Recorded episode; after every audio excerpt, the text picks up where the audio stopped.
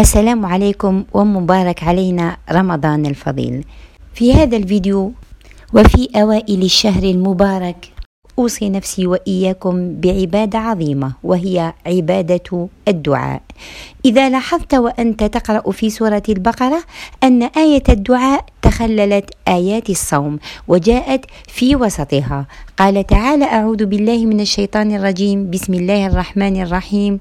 وإذا سألك عبادي عني فإني قريب أجيب دعوة الداعي إذا دعان. فجاء قبلها آية الصوم وبعدها تكملة لآيات الصوم. حتى يذكرنا الله تعالى بهذه العبادة الجليلة في هذا الشهر المبارك. وحتى نفهم أهمية الدعاء وأنواعه نبدأ بتعلم أشرف العلوم وأجلها وأعظمها والتي نغفل عن تعلمه وهو العلم بالله وأسمائه وصفاته. وهو أشرف العلوم على الإطلاق.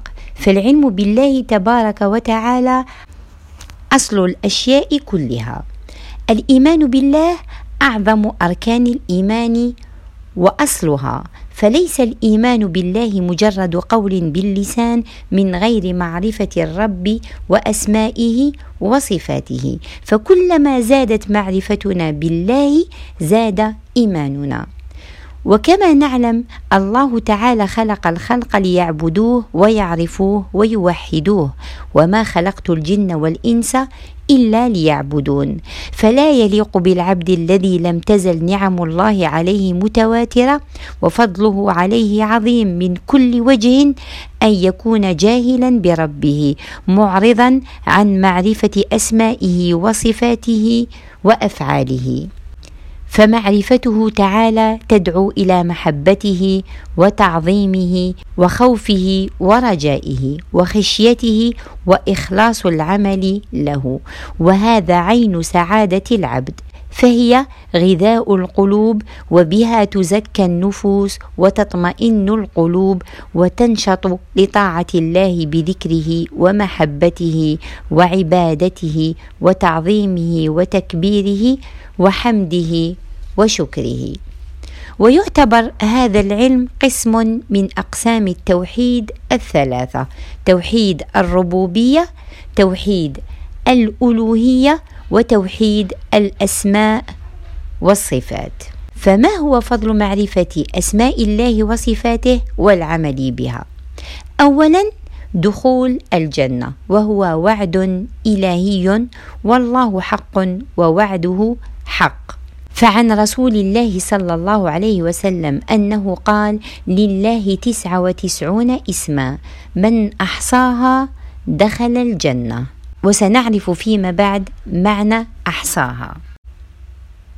ثانيا كسب البركة. تبارك اسم ربك ذي الجلال والإكرام. فتكسب البركة وتنال بذكر اسمه. ثالثا التقرب إلى الله ونيل معيته الخاصة أي يكون الله معك. رابعا من أسباب إجابة الدعاء معرفة أسماء الله وصفاته. ولله الأسماء الحسنى فادعوه بها. وخامسا من عرف مدلولاتها وعمل بمقتضاها سعد في الدنيا والآخرة وحسن ظنه بربه وازداد إيمانه. فمن كان بالله أعرف كان له أخوف. هي أسماء الله الحسنى أي بالغة في الحسن غايته. والحسنى تأنيث لكلمة الأحسن كما نقول الأكبر والكبرى الأصغر والصغرى. فكيف ندعوه بها؟ وهذا هو المقصود من هذا الفيديو. قال تعالى ولله الأسماء الحسنى فادعوه بها. والدعاء يشمل دعاء المسألة والطلب ودعاء العبادة والثناء. أما دعاء المسألة والطلب هي أن تدعو الله إن كانت لك حاجة فوجب عليك أن تبدأ دعاءك بتعظيم الله وتنزيهه.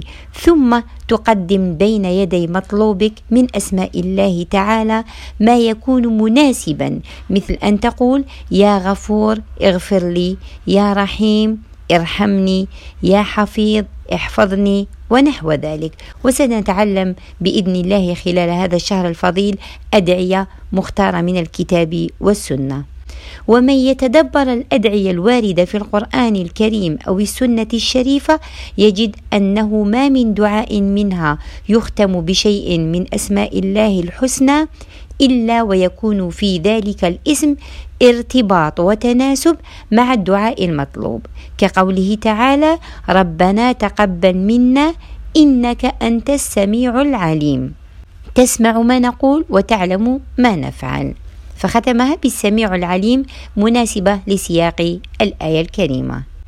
أما النوع الثاني وهو دعاء العبادة والثناء قد قلنا أن الدعاء يشمل دعاء المسألة والطلب ودعاء العبادة والثناء. فدعاء العبادة والثناء هي أن تتعبد الله تعالى بمقتضى أسمائه. هو عبادة الله تعالى من صلاة وذكر وتسبيح وصيام وبر والدين خوفا من عذابه ورجاء في رحمته. وسمي دعاء عبادة لأن الإنسان يتعبد به طالبا الثواب من الله فهو سائل في المعنى.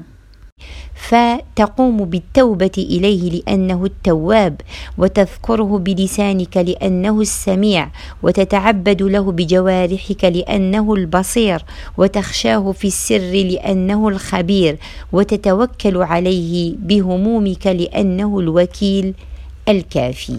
ومثالا عن دعاء الحاجة ما ثبت عن رسول الله صلى الله عليه وسلم في قوله رب اغفر لي وتب علي إنك أنت التواب الغفور أو كقول النبي صلى الله عليه وسلم يا مقلب القلوب ثبت قلبي على دينك هل هي تسعة وتسعون اسما فقط؟ اتفق علماء المسلمين على أن أسماء الله تعالى أكثر من تسعة وتسعون وغير محصورة بعدد معين. فأسماؤه لا تتناهى فكل اسم يتضمن صفة. ومن الصفات ما يتعلق بأفعال الله وأفعاله لا منتهى لها. فلله تعالى أسماء وصفات استأثر بها في علم الغيب عنده. لا يعلمها ملك مقرب ولا نبي مرسل. لقوله صلى الله عليه وسلم أسألك بكل اسم هو لك سميت به نفسك أو أنزلته في كتابك أو استأثرت به في علم الغيب عندك. والتسعة والتسعون المعلومة هي التي يشرع الدعاء بها. وفيها ورد الخبر أن من أحصاها دخل الجنة. فما معنى أحصاها. أحصاها تحتمل عدة وجوه. حصرها ابن القيم والحطابي رحمهما الله في مراتب ثلاث متقاربة. أولا الحفظ إحصاء ألفاظها وعددها أي يعدها الإنسان حتى يستوفيها حفظا. ثانيا الفهم فهم معانيها ومدلولها. ثالثا الدعاء دعاء الله تعالى بها دعاء ثناء وعبادة ودعاء طلب ومسألة. فلا يجب أن نحصر دعاءنا في دعاء الطلب والمسألة الدنيوية. إنما وجب أن نعود لساننا على دعاء الثناء والعبادة. لم يرد عن رسول الله صلى الله عليه وسلم حديث حصر فيه أسماء الله الحسنى. ومن قام بحصرها هم ثلاث رواة الحديث اجتهادا منهم تقبل الله منهم. الطريقة الأول وهي الأشهر بين الناس عن الراوي الوليد بن مسلم. والطريق الثاني عن الراوي عبد الملك بن محمد الصنعاني. والطريق الثالث عن الراوي عبد العزيز بن الحسين بن الترجمان. لذلك اختلفت قائمة أسماء الله الحسنى باختلاف العلماء حولها.